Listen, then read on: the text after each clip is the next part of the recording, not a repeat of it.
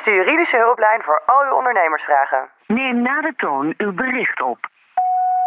Hoi, met Sabrina Meijer van I'm Into It. Ik heb op dit moment een eenmanszaak, maar ik ben ook bezig met het oprichten van mijn eigen kledinglijn. En ik vroeg me af of het handig is om een BV op te richten.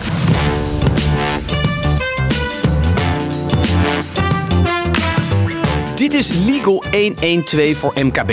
Een podcast van Chimbrer Advocaten voor al jouw juridische ondernemersvragen. Of het nu gaat over arbeidsovereenkomsten, rechtsvormen, privacy of intellectueel eigendom. Als ondernemer heb je gewoon af en toe een hulplijn nodig. Mijn naam is Frank Romer en in deze podcast zoeken we het allemaal voor je uit. Stel, je hebt je eigen eenmanszaak, je bent lekker bezig en je hebt nieuwe plannen. Is het dan misschien tijd om aan een BV te denken? Althans, dat vroeg Sabrina Meijer van I'm Into It zich af. Ze belde onze hulplijn en dus ging ik bij haar langs.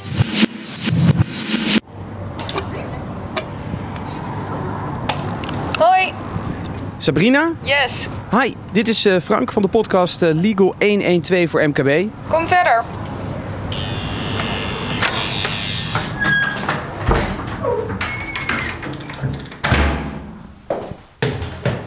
Sabrina, jij had gebeld naar onze hulplijn. Klopt. Eh, maar eerst even jouw bedrijf. I'm Into It. Wat is dat precies? Ehm, dat is de bedrijfsnaam waaronder ik handel. En ehm, ik ben onder andere fotografe en eh, online creative. Wat is dat online creative? Influencer zeggen ze ook wel. En wat doe je dan precies? Ehm, ik maak content in samenwerking met merken. En die plaats ik op Instagram. Eigenlijk best wel simpel klinkt het. Ja, is het eigenlijk ook. En jij had een vraag, want je hebt nu een eenmanszaak. Maar je zit erover over na te denken om misschien een BV op te richten. Klopt, ik ben bezig met het oprichten van mijn eigen kledinglijn. ehm, over twee maanden, als het goed is. En eh, ik vroeg me af of het handig is om daar een BV voor op te richten. En, en waarom dacht je aan een, een BV? Ik denk omdat er iets meer bij komt kijken dan bij wat ik nu doe. En legally dacht ik dat dat dan ook wat ingewikkelder wordt. Ehm, dus ik vroeg me dat af, maar ik weet niet zo goed wat de regels daar precies voor zijn. Nou, zoals je hoort, Sabrina gaat dus als een speer. Ze is gevierd influencer en wil dus nu de mode in. Maar ja, is het nou wel verstandig om dat vanuit haar eenmanszaak te doen? Of moet ze dat misschien toch omzetten in een BV? Met die vraag weten onze experts vast wel raad. We hebben net de vraag van Sabrina gehoord. Aan tafel bij mij eh, Frank Penders van de Chimbrer Advocaten en met Willem Suikerbijk van eh, Kees de Boekhouder. Vind ik een bijzondere naam voor een bedrijf. Zeker. Eh, Kees bestaat ook zelf echt. Ja, echt waar? Ja, hij is dit bedrijf in 2009 begonnen. Ehm, toen al als boekhouder eigenlijk voor vooral de creatieve ondernemers. Gedurende de tijd zijn er allerlei type klanten eigenlijk bij ons terechtgekomen. Eh, we zagen ook steeds meer dat de klanten groeiden en groeiden.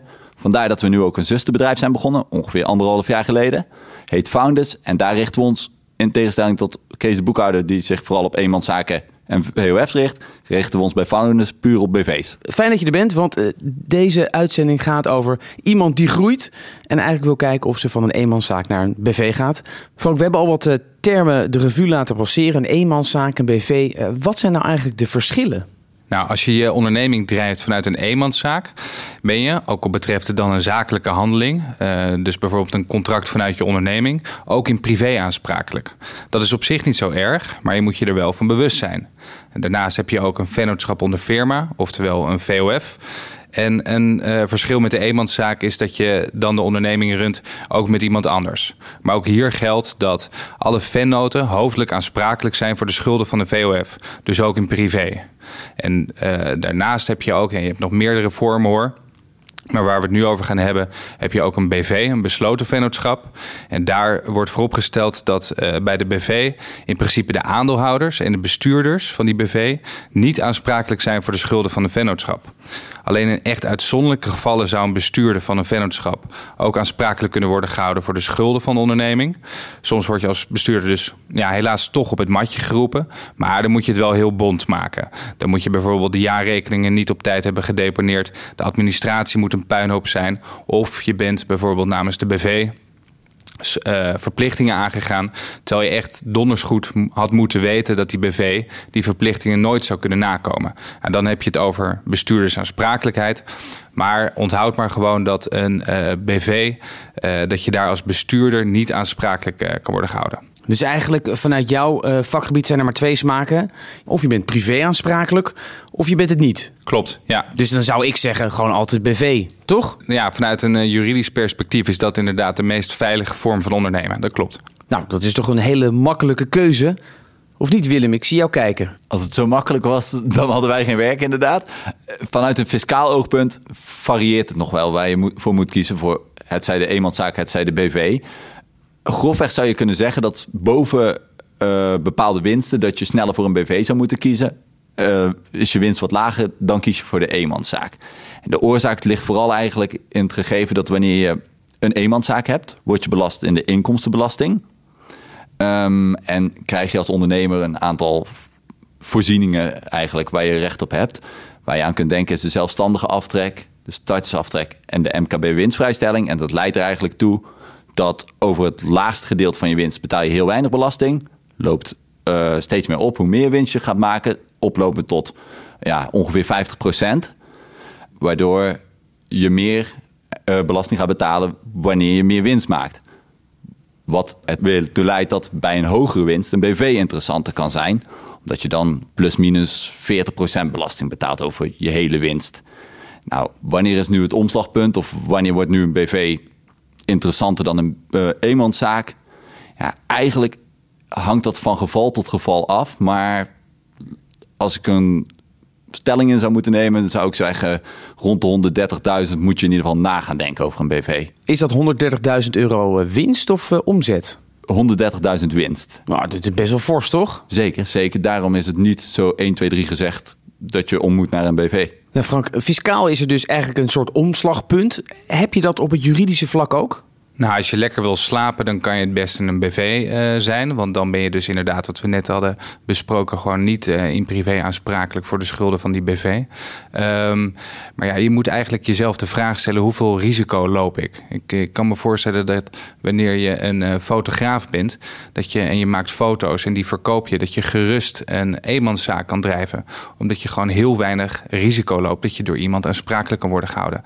Maar dat is natuurlijk anders wanneer je bijvoorbeeld een bouwbedrijf waar je te maken hebt met 20 onderaannemers. En eh, ja, dat er gewoon iets kan gebeuren op de bouwplaats. Waardoor je eh, op het matje wordt geroepen. Maar je zou inderdaad, wat eh, Willem zojuist zei, ook moeten nadenken over de toekomst. Want misschien wil je wel eh, wat mensen aan je gaan verbinden.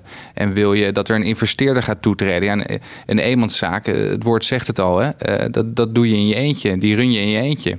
En wanneer je in een BV bent, dan heb je toch wat meer mogelijkheden om iemand aan je te verbinden. Dat is interessant wat je zegt, want Sabrina is natuurlijk een klassieke eenpitter. Dus doet alles zelf. Wat nou als je een bedrijf runt eh, met z'n tweeën? Ja, dan kan je om die reden geen eenmanszaak zijn. En zou je moeten kiezen voor wat we eh, bespraken, eventueel een eh, VOF, een vennootschap onder firma.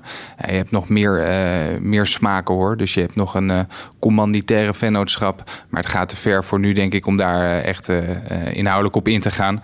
Maar dan zou je dus inderdaad snel kiezen voor een BV. Want als we dan eens kijken naar die VOF en die BV.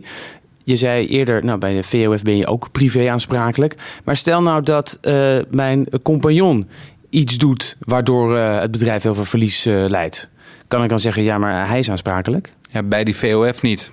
Dus ieder, iedere eh vennoot van een vennootschap is eh, gewoon in principe bevoegd om, een, eh, om de VOF te vertegenwoordigen.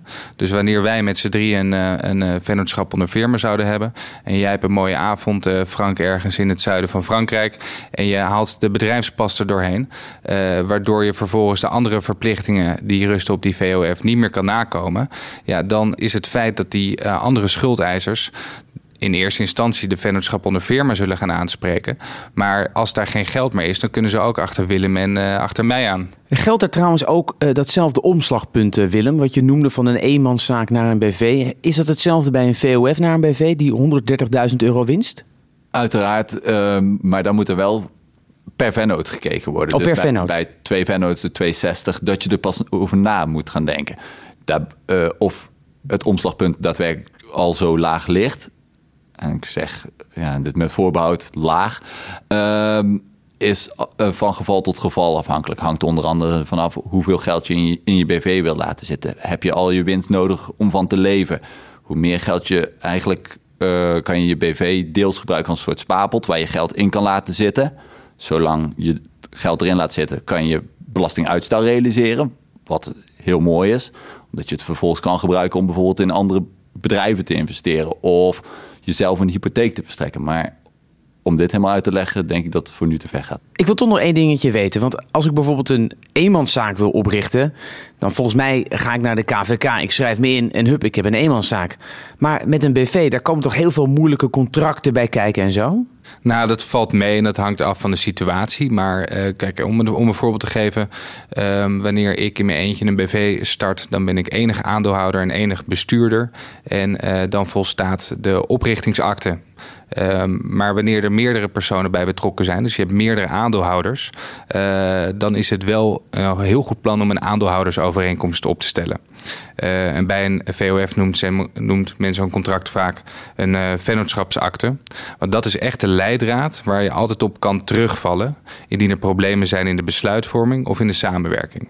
Maar ook bij de uitbreiding van nieuwe corporate initiatieven is er een overeenkomst staan dus echt de spelregels van de samenwerking. Oké, maar Willem, als we dan kijken naar het verschil tussen een eenmanszaak en een BV. Bij een eenmanszaak, die boekhouding, ja, je hebt wat bonnetjes, die bewaar je. Je vult je Excelletje in aan het einde van het jaar en dan ben je er wel. Maar met zo'n BV moet je toch allemaal verschillende moeilijke boekhoudingen gaan eh, bijhouden? Nee, precies. Bij een eenmanszaak, heel gechargeerd gezegd, komt het erop neer. Je hou- houdt je omzet en je kosten bij en je bent er.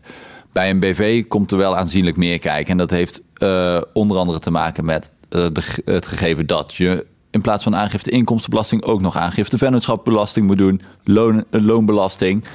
Ehm, je moet je jaarrekeningen deponeren, et cetera. Dus er komt veel meer bij kijken dan bij een eenmanszaak qua administratie. Hebben het tot nu toe gehad over eh, bedrijven die naar een BV willen gaan. Een eenmanszaak naar een BV of een VOF naar een BV. Maar er zijn ook genoeg ondernemers die gewoon eigenlijk starten met een BV. Terwijl er eigenlijk nog 0 euro verdiend is. Terwijl ik denk, ik hoor jou, denk ja maar hou, wacht eventjes. Voor een BV moet je eigenlijk 130.000 euro winst eh, maken. de redenen om te starten met een BV kan, eigen- eh, kunnen eigenlijk meerledig zijn. Ten eerste bijvoorbeeld, zoals Frank zei, de aansprakelijkheid natuurlijk. Wanneer je verwacht al direct hoge winst te gaan behalen. Eh, ja, bijvoorbeeld omdat je al van tevoren contracten hebt afgesloten... of in ieder geval in het vooruitzicht komen... dan is een BV al direct een goede optie.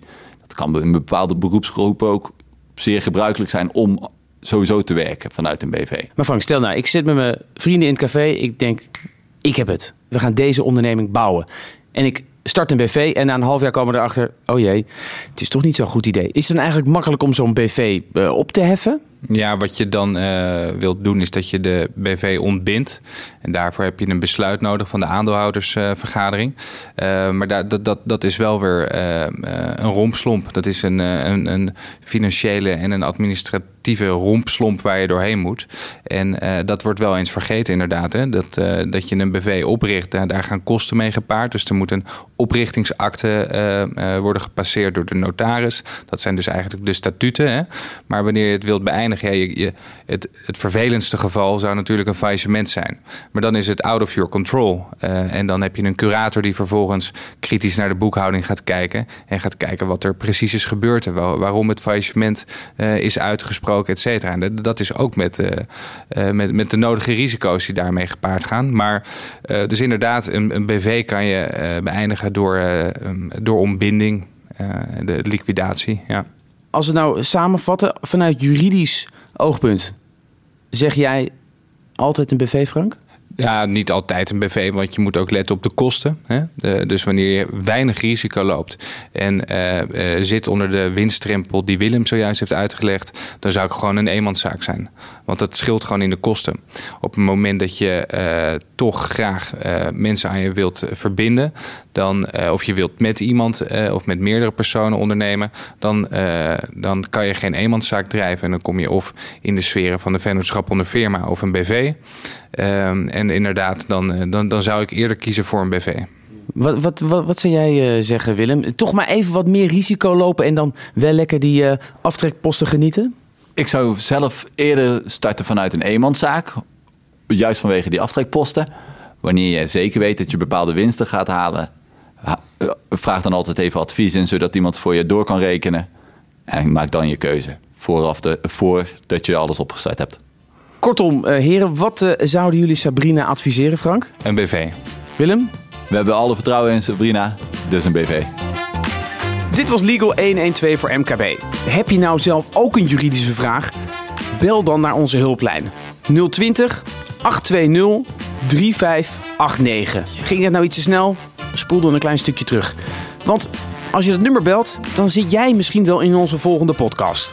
Wil je nu niks missen van Legal 112? Abonneer je dan via iTunes of Spotify en hou natuurlijk de Chimbraire website en de nieuwsbrief in de gaten.